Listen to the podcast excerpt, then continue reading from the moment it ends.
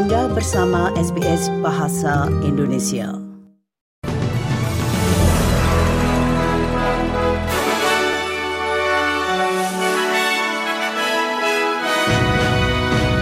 Berita terkini SBS Audio Program Bahasa Indonesia untuk hari Jumat 13 Oktober 2023. Cacak pendapat terbaru yang dilakukan oleh Guardian Australia menunjukkan bahwa pemberi suara ya diperkirakan akan mendapatkan dukungan sebesar 41,6 persen secara nasional, tertinggal di setiap negara bagian kecuali Tasmania.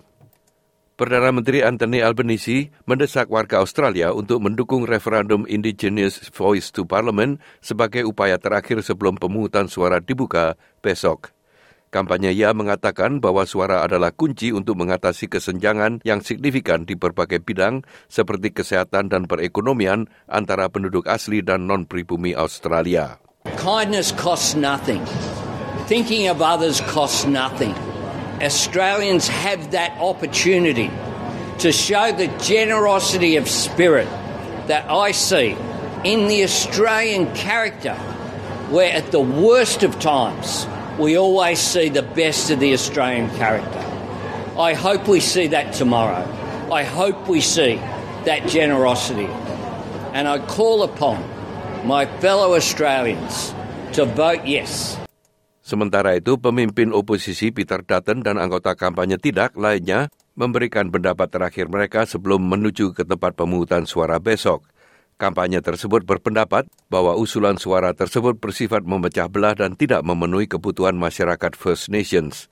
Dutton mengatakan kepada Nines Today Show bahwa ia yakin masyarakat Australia akan mengatakan tidak dalam referendum mendatang. It hasn't been properly explained. It's divisive.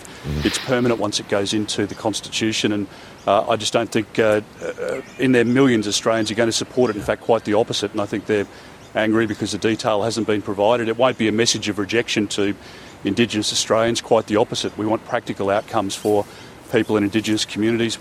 Para pengunjuk rasa pro-Palestina di Sydney merencanakan aksi unjuk rasa di akhir pekan ini.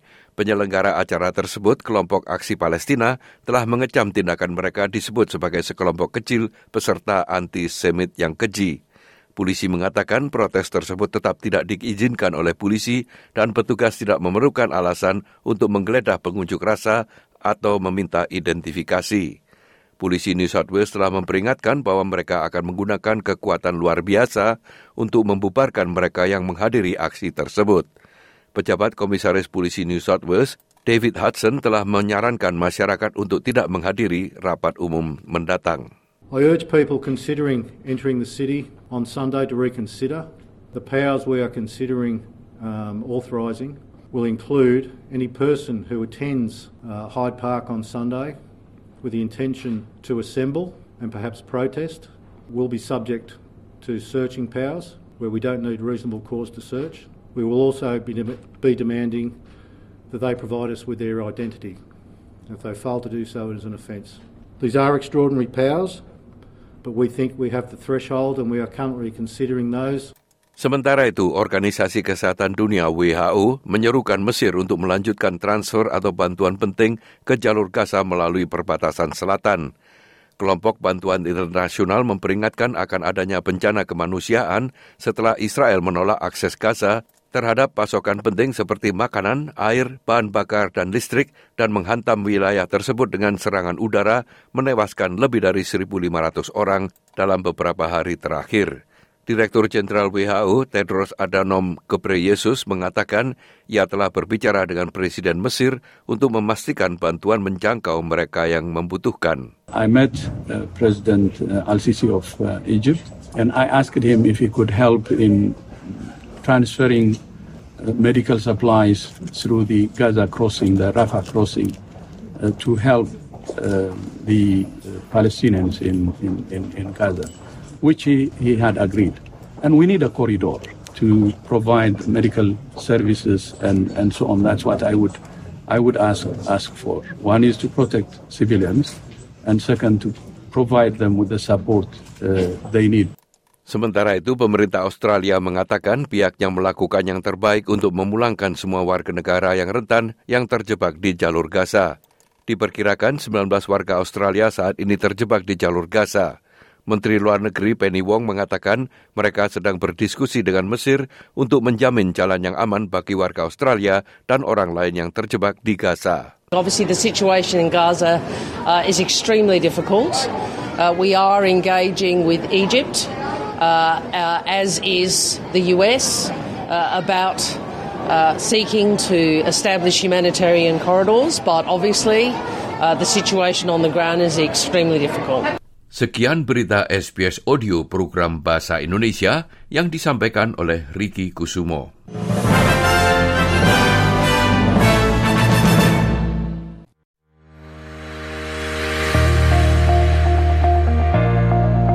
Anda masih mendengarkan siaran SBS Audio program Bahasa Indonesia.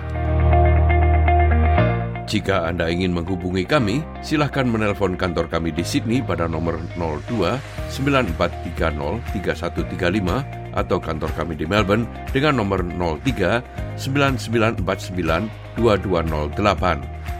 Anda juga dapat menghubungi kami melalui email pada alamat indonesian.program at sbs.com.au.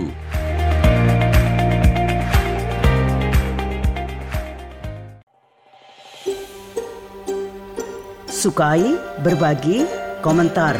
Ikuti SBS program Bahasa Indonesia di Facebook.